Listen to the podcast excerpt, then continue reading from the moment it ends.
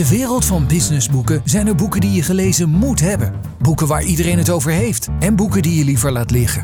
Thijs Peters en Remy Gilling gidsen je door de jungle van nieuwe businessboeken. In de Business Books podcast. Dames en heren, van harte welkom bij de 33ste aflevering van de Business Books podcast van MT Sprout. De podcast die je bijpraat over de beste, de leukste en meest leerzame businessboeken van het moment. Mijn naam is Remy Gieling, dagvoorzitter, presentator, podcast, host en oprichter van AI.nl. En virtueel tegenover mij zit Thijs Peters, hoofddirecteur van Good Habits met een Z. En het audiodesign van deze aflevering werd wederom verzorgd door voicebooking.com. Ja, dat zou ik wel willen, hè, dat ik oprichter was van Good Habits. Maar dat is helaas niet zo. Dan zou ik niet meer in deze podcast hoeven zetten. Eh, zitten. In deze aflevering bespreken we het boek The Contrarian over Peter Thiel, de godvader van Silicon Valley en mentor van Mark Zuckerberg, horen we over het bewogen leven van ondernemer en uitvinder James Dyson en waarom hij een miljard kapot heeft geslagen op de Dyson Car, die er nooit is gekomen geeft Charlotte Meindersma juridische tips voor ondernemers en horen we waarom zelfs George Orwell zou rillen bij het feit hoe China zijn bevolking onderdrukt in het boek The Perfect Police State. Oh, dat laatste boek is echt shocking. Ik heb hem net uit, uh, maar ik ben er nog niet helemaal voorbij gekomen. We gaan zo meteen bespreken wat er allemaal in voorbij komt. Het is absurd.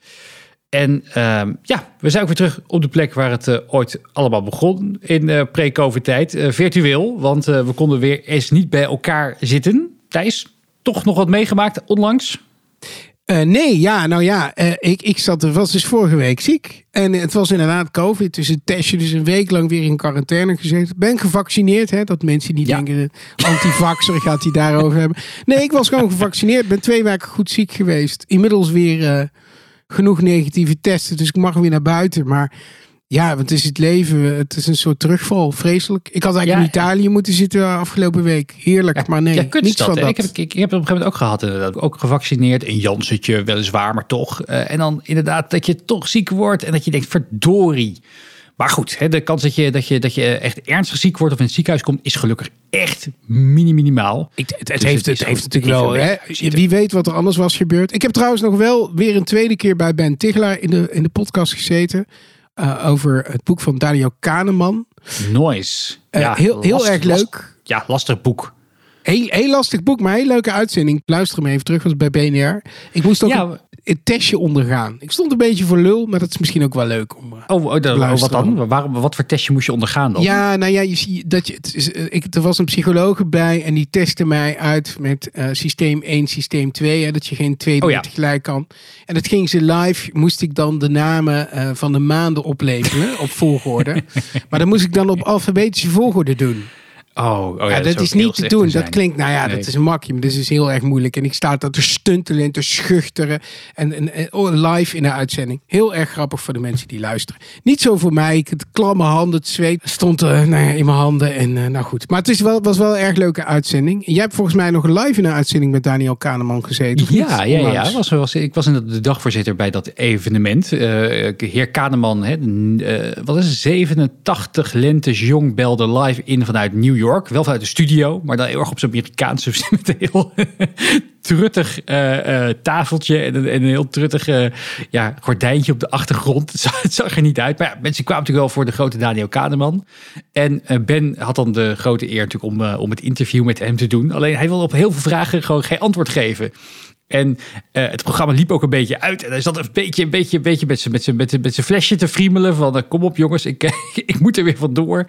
Uh, het, was wel, het, was wel, het was wel heel geestig. Maar hij zei heel vaak, well, well, well, that's not my area of expertise. Ja, het is echt een wetenschapper. Hè? Het is geen showman zoals Ben Tigelaar natuurlijk. Die, die gewoon een heel mooi verhaal kan vertellen. Is hij gewoon een wetenschapperman van ja, de boeken. Die, die ik dacht wel op een gegeven moment, want niet mooi worden afgerond het gesprek, het gesprek met hem zou worden afgerond. Ik dacht wel, ja, het gaat me toch niet gebeuren dat, dat, dat Daniel Kahneman morgen omvalt door zijn leeftijd. En dat ik hem geen, geen vraag heb gesteld toen ik de kans kreeg. Dus ik heb er nog eentje in weten te fruttelen.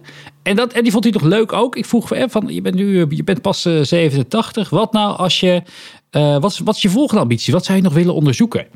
En toen had hij weer een heel. eh, Toen, toen, toen leefde hij een beetje op. En toen was er inderdaad iets van wat hij nog heel graag wilde weten. En toen vroeg ik hem ook van: eh, Nou, de, kan je daar twee, over twee jaar hierover komen vertellen? Toen zei hij: I wouldn't count on it. Oké, nou ja, dat is, dan, dat is dan meteen ook wel duidelijk. Hey, heb, heb jij Oh, verder nog wat meegemaakt, Remy? Ja, iPad is gelanceerd. Eh, en ook wel heel leuk. eh, ik was laatst bij AVAS voor de opening van het nieuwe pand. En bij de première van 14 de Musical. En oh, jongen, jongen, jongen. Als je de kans krijgt om een keertje in Leusden naar het nieuwe pand van AVAS te kijken. Dan is dat echt, echt een aanrader. En voor de rest was ik echt het hele land doorgekruist. Herenveen tot aan Weert. En in een virtuele studio in Utrecht eh, met een uitzending gewoon over de hele wereld. Van, van Ecuador tot aan Zuid-Afrika en, en Azië. Dus dat was ook alweer heel grappig. En ja, deels met de trein. Dus eh, ik heb lekker veel kunnen lezen.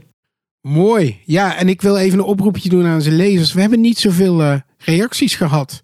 Nee, dat en viel eh, een beetje weet tegen. dat je een boek kunt krijgen als Ja. je een leuke re- reactie of kritische reactie achterlaat.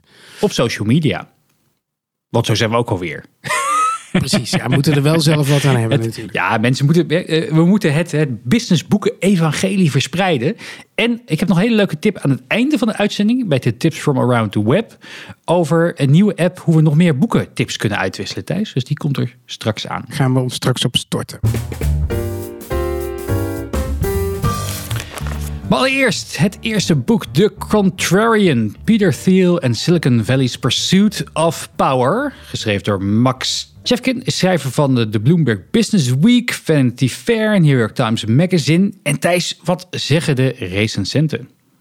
Max Jeffkins' thorough study of the tech titan reveals a man with his eye on the main chance rather than a visionary. The Guardian. And uh, Jeffkins' title has it exactly right. Thiel is a contrarian, a man who doesn't truly stand for anything, only against. What would be more in- boring than that? The LA Times. Dus een vrij kritisch. Um, Ja, inderdaad. Maar ik vind het een hele mooie titel, The Contrarian. Dat, daar werd ik al door getriggerd toen je zei dat je die wilde gaan lezen. Dus ik ben zo benieuwd. Wat staat erin over die ja, illustere ondernemer? Het is een. eh, ik, ik voor- vooral, ik zal even wijzen. Ik vind vooral de eerste helft van het boek fascinerend. Want het geeft een inkijkje in een man wiens naam we allemaal kennen. Maar eigenlijk nooit iets van hem gehoord of gelezen hebben. Want hij blijft heel erg op de achtergrond. Hè, in tegenstelling tot veel van zijn vrienden en, en, en mede-ondernemers die we heel goed kennen. Zoals Elon Musk of Reid Hoffman. Maar, eh, nou goed, wie, wie is Peter Thiel? Peter Thiel is eh, in Duitsland geboren, is een Duitser, Thiel. Is niet zo gek. Naar Amerika geëmigreerd met zijn ouders. En je moet je voorstellen, een beetje een nerdy kid in de jaren 80. En wat deed je als je in de jaren 80 een nerd was? Dan speelde je Dungeons and Dragons. Hè, met een kaartspel. Ja, Ja. En dat mocht eigenlijk niet van... Zo'n ja, precies. toch? En dat mocht eigenlijk niet van zijn toch wel christelijke eh, eh, ouders. Dus dat deed hij bij vriendjes aan de keukentafel. Eh, en hij was heel druk met schaken. Was natuurlijk heel goed in. Heeft hij zijn hele leven, doet hij nog steeds. En hij heeft de hele Lord of the Rings trilogie uit zijn hoofd geleerd. En eh, dat, dat zie je trouwens nog wel. Want ik, ik zal later even over een van zijn bedrijven hebben. Berucht bedrijf, Palantir. Dat data verzamelt over mensen. Palantir is de, eh, zo'n zo'n grote eh, bol, zo'n globe. Waarin dan de tovenaars in Lord of the Rings de toekomst kunnen voorspellen. Dus heel veel van zijn bedrijven hebben bedrijfsnamen die uit de Hobbit of de Lord of the Rings komen. Nou, nerdier dan dat kun je niet hebben. Thiel gaat studeren aan Stanford. Eh, en daar is hij een buitenbeentje. Stanford is een universiteit met toch veel liberals, hè, zoals ze dat in Amerika noemen. Maar hij is rechts, rabiaat rechts. En alles wat liberal is, is fout. En alles wat eh, politiek correct is, is fout. En hij richt een blaadje op, de Stanford Review. Het is heel rechts en alle foute types gaan ervoor schrijven. Het is heel erg anti-gay. Eh, wat op zich wel een beetje opmerkelijk is, omdat hij dan is eigenlijk wel duidelijk dat hij een, een closet homoseksual is zelf. Eh, eh, maar alles wat links eh, tolerantie is fout. Oh, maar wat grappig. Maar dat was toen dus al bekend. Want eigenlijk is het pas later, natuurlijk, met, door Gawker bekend Openbaar, gemaakt, ja, ja de- maar de- hij wist het zelf al. Laat ik het zo zeggen, hij wist het zelf al. Oké, oké. Het is niet dat nee, dat nee, heel- want heel zijn rechtse wist. vriendjes bij het blad, daar moesten natuurlijk niks van hebben. Dus dat was, dat was heel curieus. Nee, ja. Hij gaat rechten studeren, doet een blauwe maandag iets met recht. Ontpopt zich daar, daarna als eh, hedge manager. Dan maakt hij één grote klapper mee, maar ook wat fouten. En op een gegeven moment rolt hij een beetje de techwereld in. Omdat dat de nieuwste manier is om snel geld te verdienen. Hij is zelf geen techie. Hij, is een, hij, is een, hij heeft rechten gedaan. En eh, hij, hij wil vooral rijk worden, hedge fund manager. En, hij is politiek actief. Hè? Alles wat reactionair is, is goed. Hij is heel erg rechts. eh, eh, toen al, nog steeds. En hij eh, begint zich te storten op die techwereld. En hij kijkt daarna als een, de, schaker die hij is. Wat hij ook zegt van, hij is geen visionary. Hij heeft geen grote visie. Hij heeft geen grote beloftes over tech en, en wat de wereld er kan doen. Daar houdt hij zich niet zo mee bezig. Hij wil gewoon winnen. En heel die mentaliteit, hè, die later heel beroemd is geworden met Mark Zuckerberg, een van zijn discipelen, van eh, break things, move fast, break things, maak dingen kapot. Je kunt beter sorry zeggen dan om toestemming vragen. Die harde houding, dat komt ook echt, echt van Thiel. Hij begint hem, eh, gegeven moment komt hij in een bedrijfje terecht, Confinity, die zich bezighouden met web payments. Nou, dat is een soort opgeblazen eh, bal. PayPal is in hun eerste product.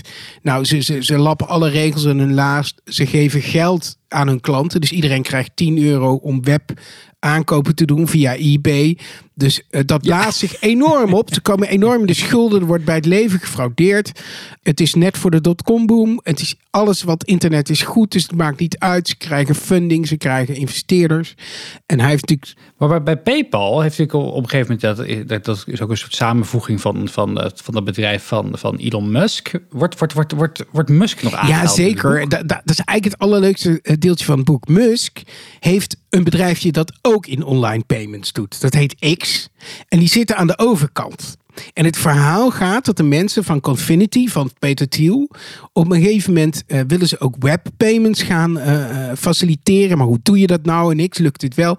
Dat ze de plannen daarvan in de prullenbak van X hebben gevonden. Dus dat ze in de trash cans van X zijn gaan graven. En Musk, Musk zegt daar zelf over. Nou, het zou best kunnen dat ze dat hebben gedaan. Van de andere kant, iedereen had ongeveer dat idee op dat moment. Dus een, een no big deal. Eh, maar uiteindelijk komen ze erachter met alle onzekerheid dat ze moeten fuseren. Hè? Want nou ja, er, er is maar eigenlijk ruimte voor één zo'n bedrijfje. Ze fuseren. Musk wordt de nieuwe CEO. Maar dan zie je al hoe Thiel zijn spelletje speelt. Hij benoemt al zijn vriendjes, zoals Reed Hoffman, be- benoemt hij... eh, benoemt hij in de board. Dus Musk mag CEO worden. Maar Later. iedereen in de, Ja. in de laag daaronder eh, zijn vriendjes van Thiel.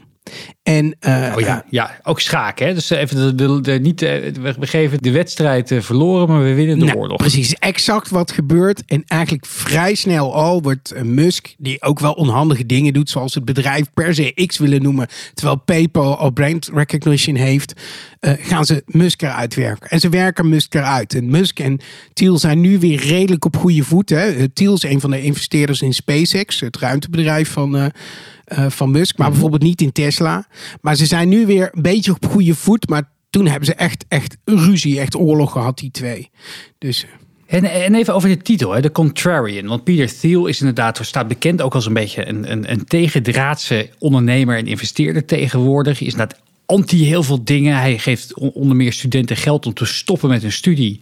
Als ze maar een of ander knotsgek bedrijf nastreven. Zoals een keer een student die wilde graag eh, eh, met een soort, soort vangnet wilde die eh, meteorieten gaan vangen in de ruimte. Om daar dan waardevolle materials zoals met edelmetalen uit te gaan minen. Nou, daar kreeg hij een beetje geld van Thiel voor om dat, plannetje uit te werken. En dus als, hij, als hij maar zou stoppen met zijn studie. Iemand haat mensen die studeren op een of andere manier. En, maar ja, waar staat het boek dan voor? De Contrarian. Wat is zo contrair aan, aan, aan die Peter Thiel? Nou ja, kijk, het, het, het idee, de, de kleeft nog steeds een beetje van, hij is wel rechts, maar wel oké en een visionair. En eigenlijk is het een hele cynische man die eigenlijk niet echt principes heeft. En, en, en daarin, eh, je moet je voorstellen, hij, eh, eh, hij is zelf een immigrant, Hij- maar hij heeft een hekel aan immigratie. Hij, was ook, hij heeft de muur was hier groot voorstander van, Trumps muur. Hij is een Ja. nationalist, Ja. maar zodra hij eh, zag dat er misschien iets aan de belastingwetgeving in de VS ging veranderen, heeft hij de Nieuw-Zeelandse nationaliteit aangevraagd. Stiekem, heeft hij niemand verteld. Eh, hij eh, zegt dat de overheid Hij veel meer geld moet uitgeven aan science. Maar ondertussen zegt hij: climate change is een hoax. Dat bestaat niet. Oh ja. Hij ja, is ja. een devote eh, eh, christen. Maar ondertussen heeft hij feestjes gegeven vol van drugs en weet ik het allemaal. En, en zo zie je eigenlijk dat het een. Hij is vooral overal tegen en overal tegen aanschoppen. En daarom zie je dat, ja, Nou ja. natuurlijk een fan van Trump werd. En- heeft Trump natuurlijk eigenlijk ook groot gemaakt, stiekem. Of stiekem. Hij heeft ook, eh, eh, ik, ik, ik hoorde hier ook al een stukje over in die podcast van Alexander Klupping en Ernst-Jan Fout. eh, in de podcast over media. Toen bespra- bespraken ze dit boek ook. En ze zeggen ze ook op een gegeven moment van ja, hij, hij roept ook heel veel dingen maar om het roepen. Dat, ze noemde het voorbeeld dat hij op een gegeven moment op, een, op een congres ergens werd naar, het naar werd gevraagd. En dat hij zei ja, ik ben bezig met allemaal bloedtransfusies. Want ik ben, eh, probeer de eeuwige jeugd na te streven of zo. En daar is voor de rest nooit meer iets over gezegd of, eh, of over gedaan. Of, eh, of, maar, maar omdat hij eventjes ooit een keer zo'n zo'n opmerking er doorheen heeft gegooid, wordt nu altijd inderdaad gezegd dat hij, dat hij werkt aan het eeuwige leven bijvoorbeeld. Dat, heb, je, heb, je, heb je dat ook uit het boek gehaald? Ja, nou ja, hij doet me eigenlijk heel erg denken aan een bekend Nederlands politicus. Ergens qua karakter. En dan mag jij raden wie het is. Oh. Is het eh, begint met een B en eindigt op Precies. Odette? Ja, nou ja, eigenlijk zo'n type die heel graag provoceert en tegen is. En ook iemand, volgens mij, die niet zoveel principes Ja. heeft. Want die is het ene moment, kan hij het eh, A zeggen, het andere moment is B. Heeft Tiel ook erg. Alleen Tiel is denk ik, ik denk dat Baudet op zich nog wel slim is. Maar Tiel is nog veel geheider. En, en blijft een beetje op de achtergrond. Hè? Want het is een van de verhalen eh, die we natuurlijk ook nog moeten bespreken, is Garker. Dat is een media company, een Ja. Heel veel over Silicon Valley eh, vraagt. En die worden op een gegeven moment worden die stuk gemaakt. De ene na de ander eh, klaagt dat bedrijf aan. Waarom de Hulk Hogan, de, de, de wrestler, bekend, bekend verhaal, die eh, heeft Ja. grote rechtszaak. En uiteindelijk gaat Gawker, dat mediabedrijf, aan ten onder. En later blijkt dat een groot gedeelte van die rechtszaken zijn allemaal betaald door Peter Thiel. Die op de achtergrond eh, eh, eh, allemaal rechtszaken heeft aangespannen om dat mediabedrijf kapot te maken. En zelf heeft hij daar toen over gezegd: dat is omdat ze mij geout hebben. Omdat zij hebben verteld aan de wereld dat ik homoseksueel ben. En dat was niet aan Ja, hun. grappig dat dat dus blijkbaar zo diep kan, kan gaan. En het was inderdaad niet zo'n niet zo net medium. Het is een beetje de, eh, de privé. Het was een roddel- roddelblog Ja, gewoon de het, privé, ja. maar dan, dan, dan de tien keer zo erg. Er is een hele fascinerende Netflix-documentaire over gemaakt, over deze zaak.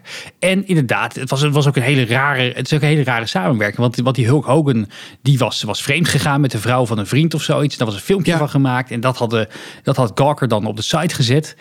En ja, volgens mij had Peter Thiel helemaal niks met die Hulk Hogan. Behalve dan dat hij een, een- iets zocht om die Gawker kapot te maken. En hoe dan gaat in Amerika. Toen in de rechtszaak moest dat medium ook volgens mij nou 100 miljoen Ja, betalen. ja, zo. en, ze- Ja, dat en- ze waren niet. meerdere, za- Dus ja. meerdere zaken heeft hij zo gesponsord om het onderuit te trekken. Eh, ik, ik vond het laatste stuk van het boek, hè, eh, hij heeft ook een ander bedrijf, Palantir. Dat ook eh, veel connecties heeft met dat Cambridge Analytica. Dus een bedrijf dat heel Ja, veel AI-bedrijf, hè? Ook veel voor de over, voor defensie doen ze. Eh, eh, en ook wel een beetje duister in de zin dat hij echt. hij, was fan, hij was een van de eerste mensen, enige mensen in Silicon Valley die echt achter Trump stond. En eh, daar actief ook aan heeft bijgedragen. En hij heeft ook geprobeerd zoveel mogelijk mensen uit zijn Tealverse, zijn vriendje, de Tealverse, heeft hij eh, proberen te planten her en der in de overheid. En zo geprobeerd de CIA en, en soms ook geslaagd inderdaad om de, de, de, de, AI-programma's van Palantir, om die nou ja, aan de overheid verkocht te krijgen. Ja, fascinerend. Fascinerend. En ja, ja echt, een, echt een, een schaker, hè? Dat, is- dat, dat merk je in alles. Voor wie is dit boek? Ik denk voor iedereen die nog een beetje geloofd heeft in de, eh, eh, in de do no evil. Dat de grondhouding van die tech-ondernemers is van we bedoelen het goed, gaat alleen af en toe fout. En eh, het idee heeft dat Silicon Valley over het algemeen links is. Forget it. Dit heeft, laat echt het, het andere, de andere kant van het gezicht van Silicon Valley zien. En het doet je ook nog weer sterker twijfelen over de intenties van Mark Zuckerberg. Wat echt een vriendje van Thiel is. Uh, ja, dus als je de Die al niet zo goed, die al niet altijd Nee, bekend precies. stond hè, met zijn meta tegenwoordig. Ehm, maar, je zei wel, het eerste deel vond je leuker dan het tweede deel. Wat, wat, wat was het tweede Nou, deel? dat, dat gaat heel erg op die politiek in. En, en, en zijn politieke Oh ja. ideeën. En ik vind het interessante, vind ik eigenlijk de anekdotes uit het begin. Eh, eh, als die, hè, in het begin zijn ze natuurlijk nog vrienden. Dat die, en dan heeft Musk heeft zijn eerste Ferrari gekocht, geloof ik. Of een eh, Lambo. Ik niet- ben niet zo van de auto's. en dan gaan ze racen. Het was een, racen door. het was een ja, McLaren, ja. En ze, ze houden allebei van heel hard Ja. rijden. Op een moment, die, die auto wordt finaal in elkaar gereden. En dan stappen ze uit. En dan zegt Musk tegen Tiel: Ja, ik had me eigenlijk nooit zo, zo gezien als zo'n gast die zo'n te dure auto koopt. en die dan in de prak rijdt. Omdat hij. eh, al die anekdotes, dat maakt het sappig. En, en, en het kleurt een beetje dat verhaal in wat je. Wat je vaak van de kant van Musk wel hebt gehoord, maar dan lees je eens een keer de andere kant. Dat vind ik eigenlijk het, leukste deel van het boek. Eh, als het, ja, Absurd hè, hoe dat, eh, hoe dat ecosysteem ook verbonden is aan elkaar. Iedereen die een beetje van naam en faam is, kent elkaar. hey, wanneer moet je het boek lezen? Ik vond het een, echt een boek. Ik heb het zelf ook, eh, nou, tijdens. eh, ik stond natuurlijk in quarantaine ook. Maar ook heerlijk bij de kachel op zondagmiddag. Nat, koude zondagmiddag, boekje open. Heerlijk boek om bij de kachel te lezen. Ja, het was echt. Cadeautje kopen? Ik vind het wel een cadeautje voor iedereen die echt geïnteresseerd is hoe het, hoe het nou in Silicon Valley toegaat. En voor mensen geïnteresseerd toch ook wel in Amerikaanse politiek. Dan gaan we naar eh, boek 2. Invention Alive by James Dyson. Remy, nou ik hoef niet uit te leggen wie Dyson is. Eh, wat zeggen de recensenten over dit boek? Mr. Dyson tells a story of the struggles of entrepreneurship. The Wall Street Journal. En The Times is een wat langere, is wat minder vrij. There is the Dyson, the inventor and the passionate advocate for the better British engineering and industrial design skills. And then there's the Dyson you sometimes get to see. The billionaire Brexit supporter who decamped to Singapore just before the separation from the EU was formalized, the political insider who knows how to pull Westminster strings, and the thin skinned billionaire who swamps smaller competitors with legal complaints. In this book, you mostly see the first version.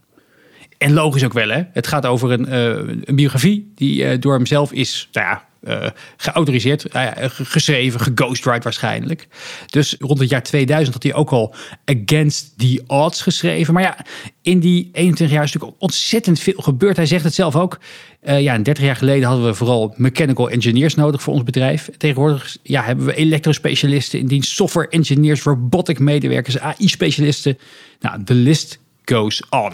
Dat- Dan gaan we zo even naar het verhaal. Het is wel grappig, want ik zie wel een soort verbinding. Een, een, beetje een, een Britse tiel. Ergens. Toch? Nou, Een het is- ja, controversiële het is- man. eh, eh, niet, niet, er niet vies van om zijn om competitie de nek om te draaien. Daar is Tiel ook wel van. En Ja, ik, ik denk dat je daar hem toch een klein beetje tekort doet. The Times is, is inderdaad erg negatief over, want dit, zo begint hun recensie al. Nou, dan weet je een beetje wat, het, wat, wat, wat de tendens gaat worden. Eh, hij, hij probeert in het boek ook wel vaak af te rekenen met, met politici die hem dwars hebben gezeten. Soms ook wel terecht, moet ik zeggen. Op een gegeven moment, we gaan het zo meteen over die Dyson car hebben, die, waar hij een mil- miljard in heeft gestoken. En waar hij uiteindelijk de, de, de stekker, het was ook een stekkerauto, eruit heeft getrokken uit het project. Maar hij zei ook van ja, eh, die politici, die gaven rond diezelfde tijd wel gewoon 250 miljoen pond aan Jaguar Land Rover. Eh, ja, inmiddels in Chinese handen, hè, om, om in, om in Groot-Brittannië een dieselfabriek neer te zetten. Maar wilde ons gewoon niks sponsoren. Dus hij, ja, hier wordt gezegd dat hij, dat hij veel, veel politieke vriendjes heeft. Nou, dat blijkt uit dit verhaal helemaal niet. En hij is vooral echt heel boos op de Britse overheid. En hij legt eigenlijk ook wel uit waarom de keuze is gemaakt om uiteindelijk naar, grotendeels naar Singapore te verhuizen. Omdat hij zegt, ja, daar hebben ze gewoon nog wel liefde voor mensen die wat maken en uitvinders. Eh, en die Britse politici, zo zegt hij, ja, die, die, die, die, die hebben gewoon een ontzettende hekel aan ondernemers. Die gunnen het ons gewoon niet. ja.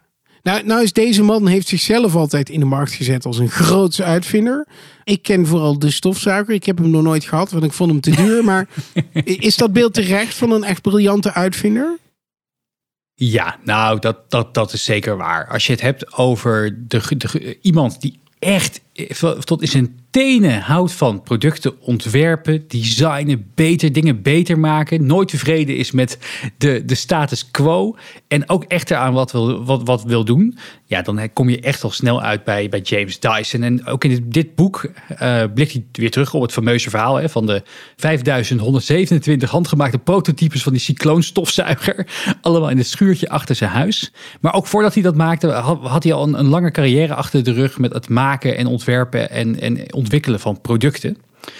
Uh, dus ik, ik, denk dat het ook wel heel erg terecht is. En het boek gaat ook een deel over het verleden. Hè? Over, over, over zijn vader die veel te jong overleed. En wat voor impact het had op het gezin. Um, uh, maar tot aan zeg maar, die Dyson car. Hè? Dus, dus de laatste ontwikkeling die hij heeft proberen te doen. En wat grappig is, dat kennen we eigenlijk, weten we eigenlijk helemaal niet. Hij, is ook, uh, hij heeft ook een hele grote agriculture tak tegenwoordig. Dus hij is ook aan, het, aan, het, aan het farmen in Groot-Brittannië. Met een hele hoop mensen. Het doet me een beetje een Edison denken eigenlijk. Hè? Die deed het ook. Ja, nou dat daar, komt wel een beetje op neer. Want hij, je merkt wel, hij, hij, heeft dus echt alles op online ge, gezet om, uh, om, om zijn bedrijf van de grond te krijgen. Voordat, uh, voordat die, uh, die, die, die, die 5000 zoveel prototypes er waren.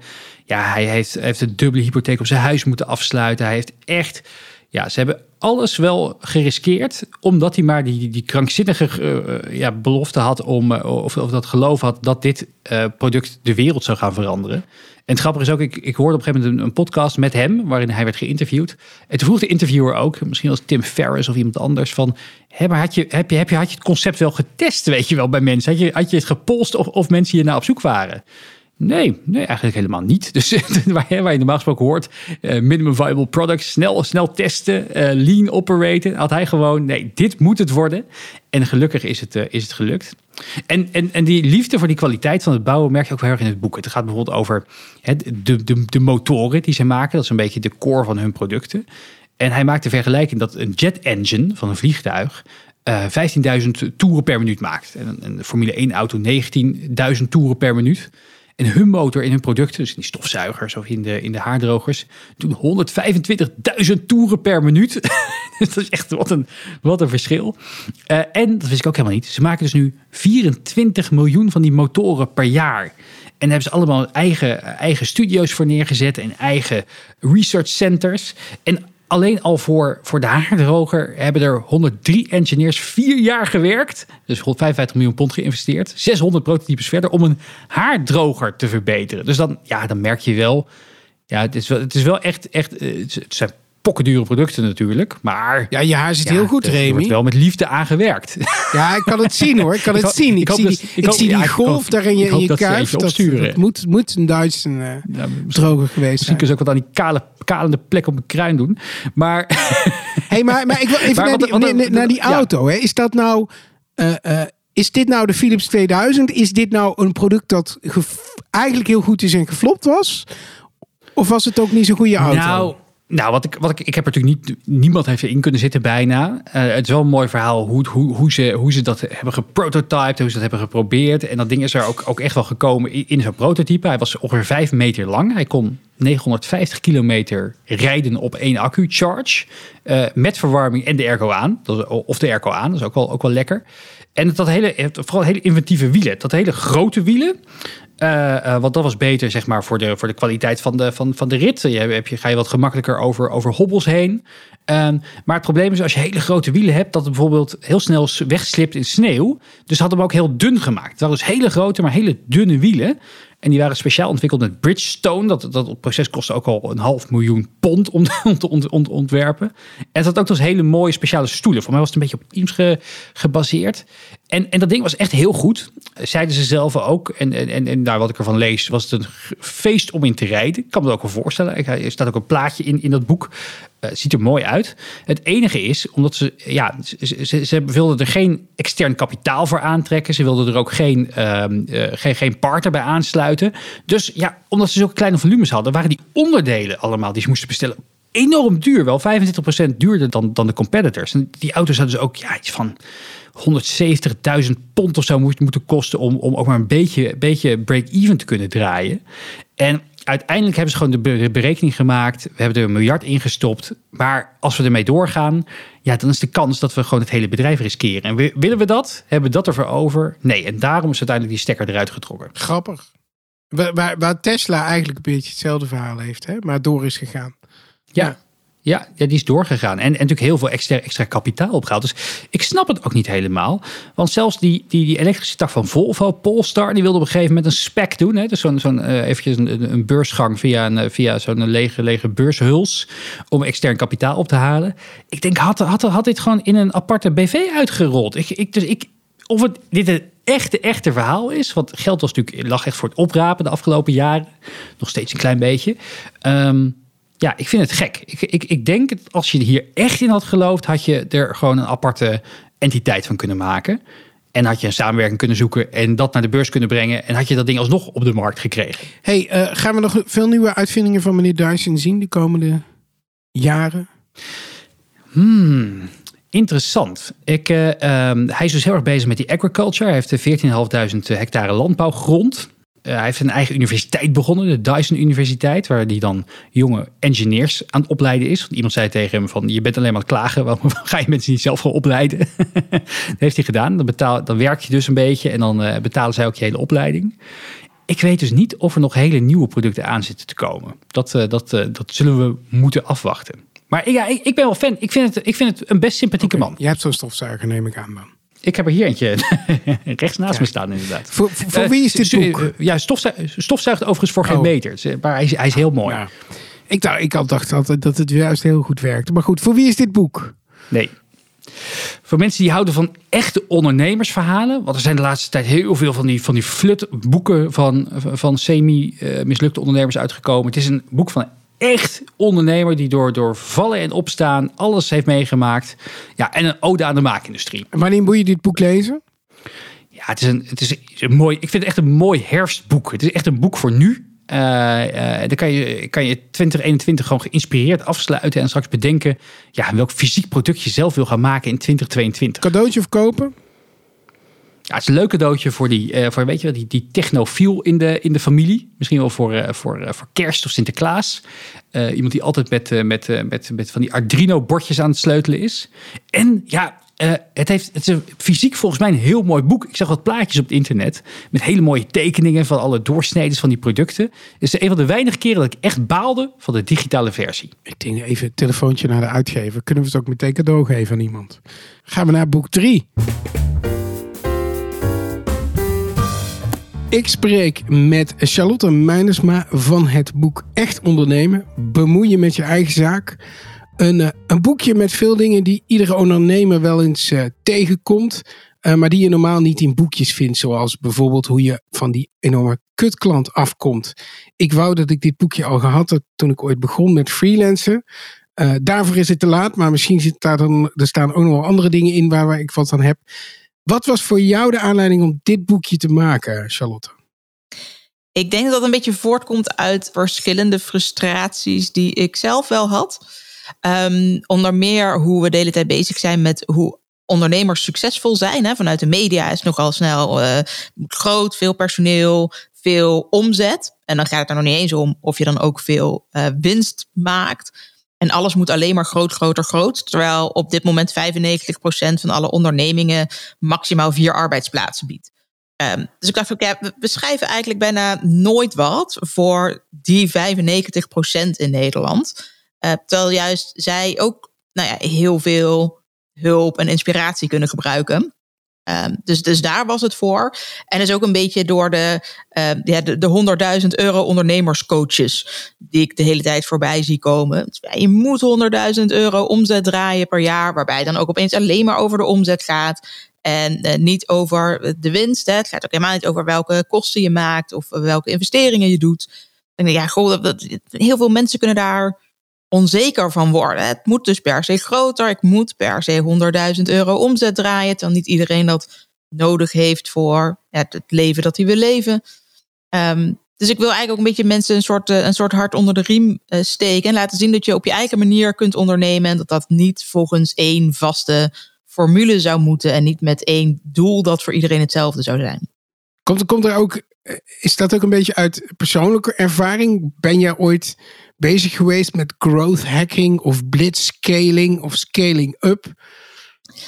Um, nou ja, ik, ik hang daar zelf die termen niet aan. Uh, dat, je naar zo'n dat je naar zo'n training gaat of zo, of zo'n coach krijgt. Ja, nee, ik, ik ben wel ooit één keer um, uh, naar een soort uh, coaching geweest, zo'n programma ingestapt. Um, omdat ik dacht, ja, goed, het ging eigenlijk ook eventjes niet zo goed met mijn bedrijf. En ik dacht, ik heb gewoon even iemand nodig die er juist anders in staat, die mij een andere blik geeft, die ervoor zorgt dat ik even nou ja, misschien wel uit mijn eigen denkcirkel gehaald wordt. Um, zodat ik even niet zo vast blijf zitten in, in, waar ik nu in vast zit. Uh, ik had juist net uh, afscheid genomen van het personeel dat ik had. Ik was eigenlijk weer terug naar, naar ZZP gegaan, omdat ik gewoon zelf geen goede manager bleek te zijn. Um, en dit leek mij een nuchter programma, dus daar ging ik inderdaad wel in. En daar werd uiteindelijk wel gezegd: nee, maar je moet een team hebben, anders ben je geen goede ondernemer. Ja, weet je, volgens mij kan ik van alles ook wel in mijn eentje bereiken. Door zo af en toe freelancers in te huren. Maar dat het niet per se een vast team is. Want hoe vaster dat team wordt, hoe meer ik ze eigenlijk ook weer in dienst moet nemen. Omdat het anders arbeidsrechtelijk niet meer klopt. Um, en toen was het echt van ja, nee, dat moest ik niet zeggen, dat mocht niet. En toen uh, werd ik opgebeld met ja, ja, we denken dat het misschien wel beter is om uh, uit elkaar te gaan. Vind jij dat niet ook? En toen dacht ik, oh, oké, dit is jullie boodschap om mij uit dit programma te zetten. Want jullie vinden mij vervelend in, uh, in de groep die daar is. Laten we dat dan maar doen. Um, dus nou ja, die ervaring speelt natuurlijk wel mee. Uh, maar het gaat er ook eigenlijk veel meer om dat ik, dat ik vind dat je zelf moet kiezen in hoeverre je wil groeien. of je wil ondernemen, of je die, die lokale bakker op de hoek wil blijven die een kwaliteitsproduct verkoopt. Of dat je per se een broodfabriek moet gaan bouwen, omdat het dan groot is en met een groot team en hoge omzetten draait. Ja, je hoeft je niet gek te laten maken. Dat is een beetje de achterliggende boodschap. Ja, en als je dus wel groot wil worden, dan mag je wel groot worden. En als je dat niet wil doen, dan doe je dat niet. En als je graag online wil ondernemen, dan doe je dat. En als je graag um, alles heel erg één op één wil doen, dan doe je dat. Hè? Dus het, gaat er juist om dat je zelf mag bepalen hoe jouw onderneming eruit komt te zien. Ja, je, je, je, schrijft in je boek inderdaad ook wel over, over de, de wat neerbuigende toon, geloof ik, van uh, Marianne Zwageman ten opzichte van twee dames met een webwinkeltje. Hè? Ja. Dat, dat, dat steekt jou, dat daar nog een beetje schamper over gepraat wordt. Ja, nou ja, dat is, hè, want zij had natuurlijk al het boek met de titel Een webwinkel is geen carrière. Um, en daar werd ze ook over geïnterviewd. En toen was ik, ja, maar wanneer heb je dan wel een carrière? En toen zei ze zelf, ja, nou ja, ik heb nu een miljoentje omzet. Ja, dat vind ik nog geen bedrijf. En goh, dus, dus is dit nou het enige waar het dan om draait? Is het niet veel belangrijker dat we allemaal zelf onze broek kunnen ophouden? En ons niet afhankelijk maken van dus een, een werkgever of van uh, de overheid of, of zoiets dergelijks. Is dat niet nog veel belangrijker? Uh, dus als we echt alleen maar tegen mensen zeggen: jij bent niet goed genoeg, ja, waar eindigen we dan met z'n allen?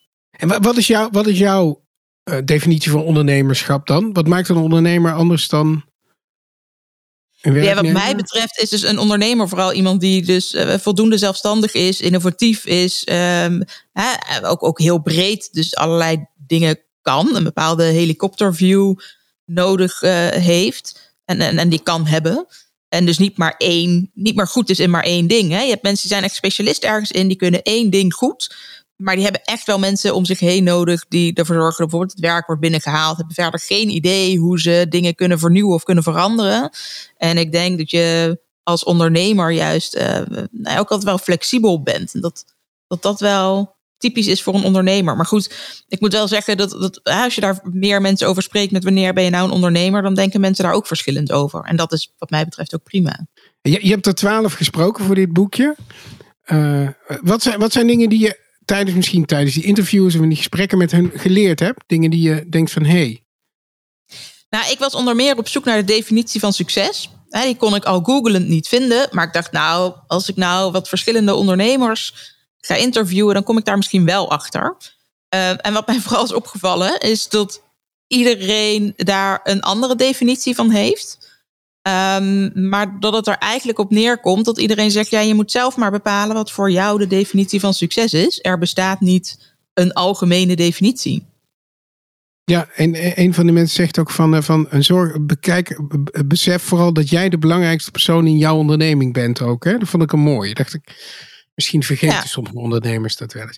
Hey, als je als je dit boekje leest, want het, is, het, is een, uh, het leest heel vlot weg, heel lekker geschreven, maar het is een soort mengeling soms van hele praktische hoofdstukjes. Ja. Uh, van uh, hoe zit het nou met een offerte, met de geldigheid daarvan? Of hoe zit het met facturen? En dan komt er inderdaad weer een beetje, nou, niet hoog over, maar wat, wat minder juridische tips. Andere dingen. Van waar deze mix? En... Nee, met name omdat ik vind dat sommige mensen gewoon nog wat moeten weten over juridische zaken, waarvan ik in de praktijk gewoon merk dat ze het niet weten. En uh, dat ze daar hè, last van hebben. Dat ik, daar verdien ik in principe wel mijn geld mee. Want als het fout gaat, dan komen ze bij mij. Um, en, dan, en dan mag ik het weer oplossen. Um, dus in die zin is het helemaal niet handig dat ik het zo heb opgeschreven. Maar ook wel dacht, oh, dat is zo zonde. Het is eigenlijk zo eenvoudig. Als je dit nou gewoon weet, dan, dan, heb je die, dan, dan voorkom je die problemen. Um, dus dat was een beetje het doel daarvan. Maar ik weet ook wel dat als ik alleen maar een boek zou schrijven met: hey, dit is wat je juridisch handig moet doen als je gaat ondernemen. Dat mensen dan denken: ja, weet je, prima, fijn, saai. Uh, als ik in de problemen kom, dan koop ik misschien dat boek wel. Terwijl ik eigenlijk veel meer wil dat mensen het sowieso lezen. En niet omdat ze denken dat het een moedje is. Dus ik wilde heel graag dat het een boek zou zijn dat ook gewoon prettig is om te lezen. Um, waardoor mensen niet alleen maar denken, oh, dit is een soort studieboek of zo. Dus vandaar dat het ook is vormgegeven wat meer in, in, in de zin van, nou, dit is, dit is de basis. En ik ga niet helemaal tot in de treuren uitleggen hoe het juridisch werkt. Het moet wel gewoon voor elke ondernemer prettig zijn om, om te lezen en om toe te passen. Uh, en daar komt gewoon veel meer kijken bij het ondernemen. Ook in, in de keuzes die je maakt. En of je dus überhaupt wel juridisch aanpakt of niet. als je eh, met een probleem naar een jurist komt, zal die altijd een juridische oplossing geven. Terwijl de juridische oplossing niet altijd de beste oplossing is. Ja, dus ook vandaar dat ik dacht, ja, dan wordt het al een breder boek. Nou, laten we het dan maar even hebben over allerlei zaken die naar mijn idee in het ondernemen belangrijk zijn. in het boek staan heel veel praktische dingetjes die je als ondernemer eh, tegenkomt. Wat ik in het begin ook zei, hè, dingen die je normaal niet vindt. Zijn er dingen die je zelf ook in je, in je reis als ondernemer bent tegengekomen? Nee, de juridisch-praktische dingen natuurlijk niet zozeer. Want ja, ik, ik ben jurist, dus dat zit een beetje in mij om dat soort dingen dan, ja, of op zijn minst uit te zoeken. Uh, weet je, denk dat dat zijn misschien wel dingen waar ik rekening mee moet houden. Uh, maar ik heb zelf natuurlijk wel ook fouten gemaakt bij, bij offertes of zo. Um, hè, dat ik daar niet altijd eh, toch duidelijk genoeg in was geweest. Of dat ik er misschien ergens wel te veel als jurist in zat. En um, dacht ze van oké, dan, dat vertrouwen in, in een klant is misschien niet per se belangrijk als ik het maar juridisch goed dichtik. Terwijl de meeste ondernemers bijvoorbeeld juist alleen maar op het vertrouwen varen en dan denken dat komt wel goed. En dat gaat niet altijd goed. Um, dus dat, je die combinatie gewoon nodig hebt van nou, je mag best ook zorgen dat je gewoon een goed gevoel hebt bij een klant. Uh, en regel het daarna nog even juridisch goed. Die combinatie, nou, dat is misschien inderdaad wel iets wat ik eerder al had willen leren. Ja. ja, en zijn er nog dingen in, in, in de interviews, concrete tips die je mee hebt genomen zelf in je ondernemerschap? Um, nee, niet per se iets heel specifieks, denk ik. Um, ik vond het zelf vooral heel erg prettig om in al die interviews heel erg te merken dat iedereen er ook daadwerkelijk anders in zit. Um, dus dat er niemand is die zegt: Oh ja, maar een, een team is altijd fantastisch. Of een team is altijd rot. Uh, dat sommige mensen wel zeggen, ja, ik heb daar gewoon een negatieve ervaring mee. Dus ik ben weer terug naar mijn eentje ondernemen. Um, dat er ook mensen zijn die zeggen, ja, je kunt gewoon eigenlijk niet zonder team. Um, en, en, en dat er dus ook al mensen tussen zitten die zeggen, ja, nou, weet je, een team is wel gewoon lastig. Maar ik heb nu een goed team en dat is fijn. En ja, nou, het is lastig om goede mensen te vinden. Dus dat iedereen daar wel heel anders in staat, denk ik. Um, een van mijn favoriete interviews was wel met uh, Jos Schovaert van, uh, van Cooper. Nou ja, dat heeft hij inmiddels verkocht. Dat kon hij me toen nog niet vertellen. Uh, terwijl hij daar wel al mee bezig was. dat was echt een lekker, eerlijk interview. En daar was ik wel blij door verrast. Ja. Ja, wat, wat verraste je vooral dan? Wat, wat, wat, wat kwam eruit van dat dacht je? Ja. Nou, dat, dat hij ook echt wel kan zeggen: joh, weet je, je kan echt keuzes maken uh, die, die verder gewoon heel, heel negatief uitpakken. Of dat je echt wel in een, in een dal kan raken, maar daar ook wel weer uit op kan krabbelen. Maar zonder daar zo'n soort heldenverhaal van te maken, zoals je ze tegenwoordig wel op LinkedIn leest. Ja, weet je, soms gebeuren er dingen. En die zijn gewoon echt heel naar. En dat is gewoon echt heel vervelend. En um, ja, oké, weet je, wat in verloren, wat van geleerd en weer door. Ehm, zonder te zeggen, ja, nee, maar ik moest eerst door dat diepe dal en uh, daarna Ja, het, het wordt altijd een soort self-fulfilling process, die bedoel je. Hè? Dat er wordt een heel achteraf een verhaal geconstateerd dat de, de problemen er moesten zijn, want anders was je daar niet gekomen. Ja, precies. En dat heeft hij helemaal niet. Hij had gewoon zoiets van, ja, weet je, uh, uh, die vormgevingsstudio die ze bijvoorbeeld gebouwd hadden. En dat hij dacht van, ja, weet je, we hebben dat team nodig. We hebben veel van dat soort dingen nodig. Laten we dat gaan doen. En het bleek gewoon een mislukking. Nou, oké, heeft veel geld gekost. Um, en daar houdt het verhaal dan gewoon ook even op. Nou ja, jammer. En, um, maar dat het dus niet per se zo is van, ja, dit moest gebeuren, want, of... Uh, nou ja, dus dat, en dat, dat, die, die nuchterheid, dat vind ik wel even lekker. Ja. Ik vond wel één, want je boek is eigenlijk een en al uh, nuchterheid. Hè? Geen geheime formule, geen sterrenstof, geen shortcuts tot succes. Maar ik, ik vond wel één, uh, toch wel een beetje zo'n businessboeken term erin. De B-hack. En die heb, heb je zelf wel een B-hack? Een big, hairy, audacious goal? Ja, daar staat hij voor, ja. Um, nee, ja, ik zelf eigenlijk niet. Nee, dat, ja, het, dat is inderdaad wel zo'n zo'n business term. Het is meer, hè, soms zijn termen lekker om te gebruiken om, om, om je ergens even aan vast te kunnen houden. Um, en om iets praktisch te kunnen maken. Nee, voor mij is juist in de afgelopen tien jaar wel duidelijk geworden dat mijn doel juist misschien wel veel kleiner is dan ik altijd dacht. Um, en dat mijn persoonlijke geluk eigenlijk uiteindelijk mijn, mijn doel is. En uh, dat ik dat geluk vooral nu al wil hebben. En niet pas over nou ja, weet ik veel hoeveel jaar. Dus dat ik eigenlijk niet iets groots heb om naartoe te werken. Want stel dat ik nu keihard werk voor later en er gebeurt nu iets, ja, dan heb ik in feite voor niks gewerkt. Ja, dus, uh, dus, dus dat kan ook. Voor sommigen werkt zo'n b-hack, maar voor jou bijvoorbeeld niet. Nee, dus mijn, mijn, mijn grootste doel is vooral om mijn onderneming levend te houden op dit moment. Maar ja, het kan ook best zijn dat ik op een gegeven moment denk: oh, wacht, ik, uh, ik verander de boel en ik ga wat anders doen. Um, maar dat is dan dus vooral omdat dat uh, mijn persoonlijke geluk ten goede komt. Op dat moment.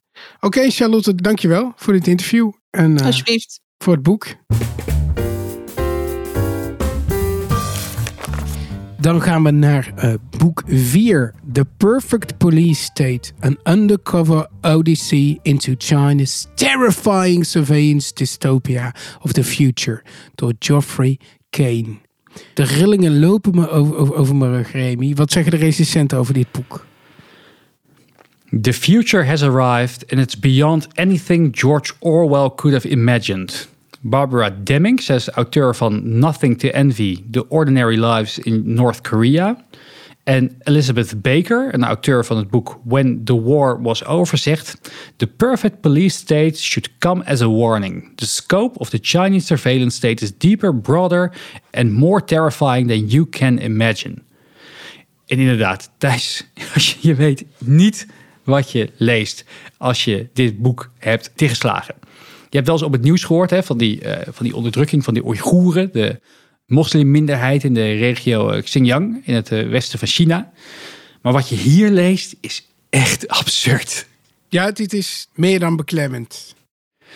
Ja, het, het, het, het, het verhaal volgt eigenlijk iemand die eh, uit die regio gevlucht is. Dus die, de, de, de, de, de, de, journalist die het boek heeft geschreven, ik geloof ook van de Wall Street Journal, nou, een bekende, bekende journalist uit Amerika.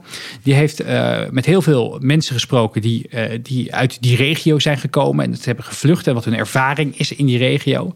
En um, je wordt dus meegenomen aan de hand van het verhaal van, van, van een van die ge geïnterviewden. En dat is eigenlijk een, een jong meisje die in het buitenland studeert in Istanbul. Maar af en toe ook even terug wil naar haar familie. En ze ziet hoe vaker ze terugkomt, hoe meer er verandert in die regio.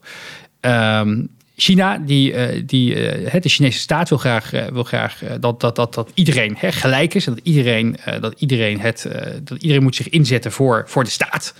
En er zijn drie grote kwaden volgens China. Dat is terrorisme, dat is extremisme en dat is separatisme. En zij zien eigenlijk ja, die, die, die moslimminderheid een beetje als, als, de, als, de, als de terroristen, de extremisten, de separatisten. Dus zij willen dat eigenlijk uh, al, al, een tijd, dat is een beetje gekomen ook al rond de tijd van 9-11. Um, willen, ze, willen ze daar een, een halt toe roepen. Die regio is ook, ja, ligt ook tegen allemaal van die andere regio's aan, waar ook, ook volgens mij veel moslims wonen. En uh, China heeft gewoon een heel groot plan bedacht. Hoe gaan we dit, om in uh, Thierry Baudet's termen, hoe gaan we deze bevolking nou, het is een hele nare term, maar het is het is wel homeopathisch verdunnen. En um, dat doen ze ja, ze gebruiken daar inmiddels echt alles voor. Dus is, uh, van, van, de, van, van de concentratiekampen, heropvoedingskamp wordt het dan genoemd, tot aan verplichte sterilisatie. Uh, ze laten Chinezen, gewoon, misschien gewone Chinezen, tussen aanhalingstekens uit de grote steden, die worden gewoon verplicht bij die mensen in huis gezet. Daar kan je niks tegen doen. Je moet gewoon, je moet gewoon die mensen moet je maar opvangen. En wat dus ook heel vaak gebeurt, is dat een man of een vrouw wordt is plotseling weg. Hoor je nooit meer wat van.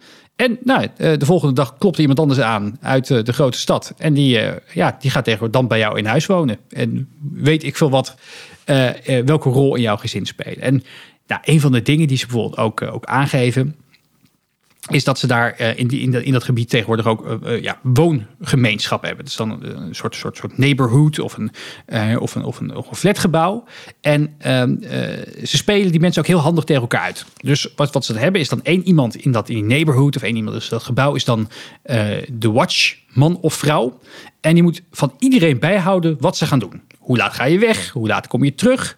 En ze moeten ook de hele tijd aan iedereen vragen of ze wat hebben gezien of gehoord bij de buren. En als jij dan hebt gezegd van nou nee, ik heb, de, de, buren hebben niks, eh, niks vreemds gedaan. Maar de andere buren die hebben wel iets gezien of gehoord. Nou, dan word jij als onbetrouwbaar bestempeld. Dan ben jij het haasje. En als dat te vaak gebeurt, dan, dan gebeurt echt. Dan worden dus gewoon camera's van de staat in je woonkamer opgehangen. En, en, dit, ja, dit is, dit is beyond. Uh, we hebben wel films gezien uh, over de DDR vroeger, maar dit, dit is eigenlijk nog, gaat nog veel verder. Hè?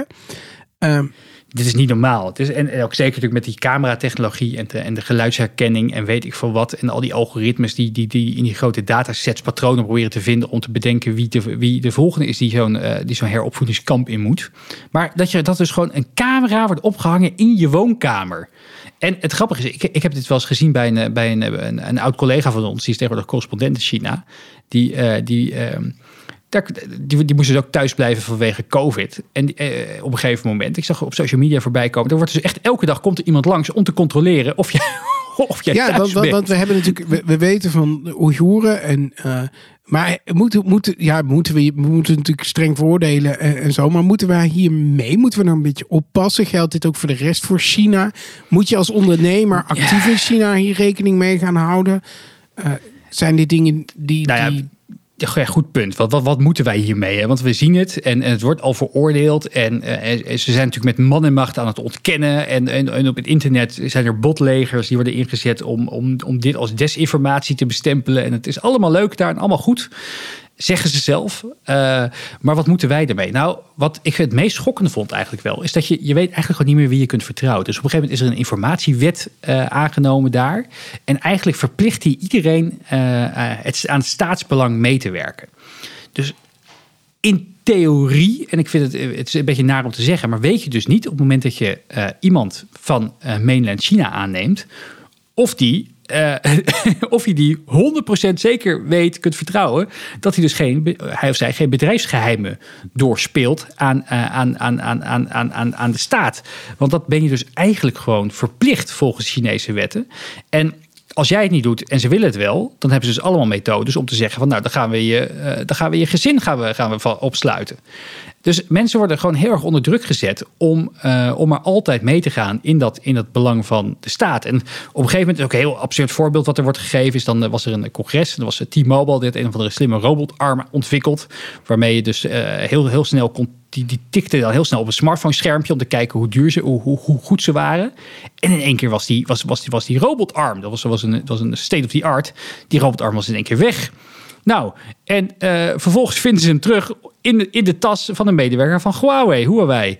Uh, en die zegt tegen oh, ik weet niet hoe die robotarm nou in, in mijn tas kan komen. Nou ja, weer groot, weet je wel. Allemaal van dat soort dingetjes. Je weet gewoon niet meer wie je kunt vertrouwen. En we hebben natuurlijk ook gezien bij, bij ASML en bij andere bedrijven die last hebben gehad van bedrijfsspionage uit die hoek. Um, je moet er gewoon echt heel erg op letten. Want je hebt geen idee hoe ver die staat daar ja, je gaat. Weet, je weet dus dat, dat elke... Nou, dit klinkt heel erg, hè, dat elke Chinees die je aanneemt in potentie een spion kan zijn. Uh, niet omdat het een slecht mens is of zo, maar omdat de Chinese overheid zoveel invloed kan hebben op een familie in mainland China dat ze wel moeten. Dus het is. Ja, en dat is natuurlijk, dat is natuurlijk, heel, eh, dat is natuurlijk een hele vervelende conclusie. Want je, ja, je wil natuurlijk uitgaan van het, van het goede van de mens. En die, intentie hebben ze waarschijnlijk ook wel. Maar als, ja, stel je voor dat, uh, dat, dat jouw familie bedreigd zou worden. Uh, en, en je kan ze veiligstellen door, weet ik veel wat, de, de laatste kwartaalcijfers van, van je bedrijf. Oh, ja, toch eventjes te mailen. Of de laatste contracten. Of de blueprints van een nieuwe innovatie. Ja dan, dan ja, ik zou ook voor mijn gezin kiezen dan, denk ik. Ik, uh, ja, en zeker met die, al die AI-ontwikkeling in uh, China, dat maakt je niet heel positief. Hey, voor wie is dit boek? Nou, voor me, eigenlijk, het is in ieder geval niet voor mensen die van nature al heel achterdochtig zijn. Want je kan gewoon niet meer slapen, denk ik, op een gegeven moment. Uh, ja, mensen die toch even een beetje willen weten hoe de staat van de technologie is in, in, in die werelddelen. En, en nogmaals, hè, niks tegen Chinezen. Zijn, zijn hartstikke veel, hartstikke, hartstikke innovatief. Maar dit is wel, dit is echt shocking. Dit is echt shocking. Wanneer moet je dit uh, boek lezen? Ja, ik vond dit een perfect badboek. Echt, je, je ligt lekker en je, je, je, ben, je, je slaat van verbazing om in verbazing. Cadeautje of kopen? Kopen. Ja, op de e-reader. Ja, of voor die bevriende ondernemer die net zijn eerste Chinese medewerker heeft uh, aangenomen als een cautionary tale. hey, dan gaan we uh, verder naar, uh, dat was het laatste boek inmiddels, naar uh, tips from around the web.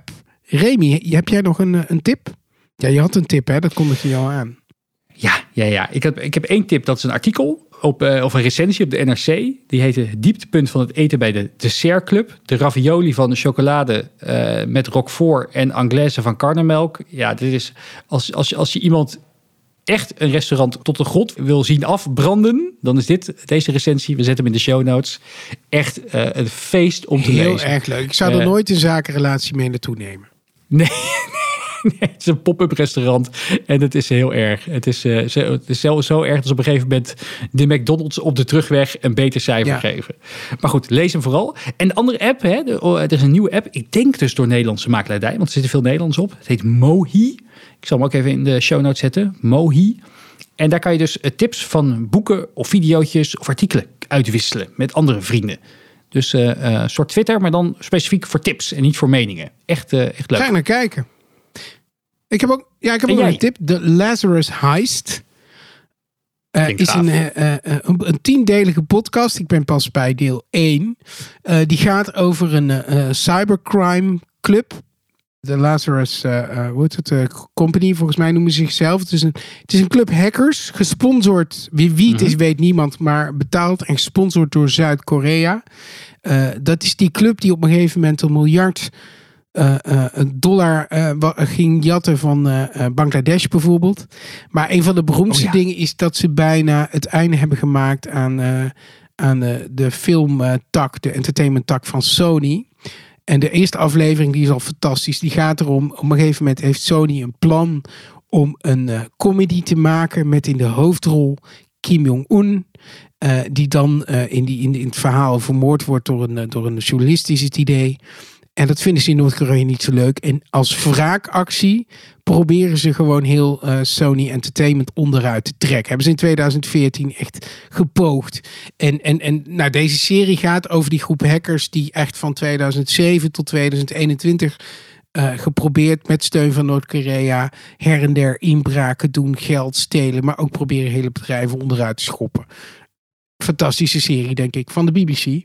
Ik ga hem luisteren. Fantastisch. Ja, dit is echt zo'n onderwerp waar, ik, waar mijn hart sneller van gaat kloppen. Dus dank voor die tips, Thijs. En jij bedankt voor het luisteren. En vergeet je vooral niet te abonneren via Spotify, Soundcloud of Apple Podcasts. En wil je ons dus echt een plezier doen en kans maken op een fysiek businessboek?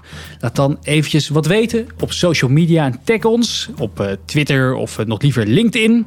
Uh, Thijs Peters en Remy Gieling en natuurlijk MT Sprout.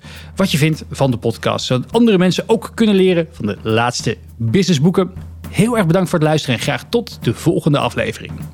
Tot zover de Business Books Podcast. Meer afleveringen luisteren? Abonneer je via iTunes of Soundcloud en krijg een melding wanneer er een nieuwe aflevering live gaat. De Business Books Podcast is een uitgave van Sprout en Management Team en wordt geproduceerd door voicebooking.com.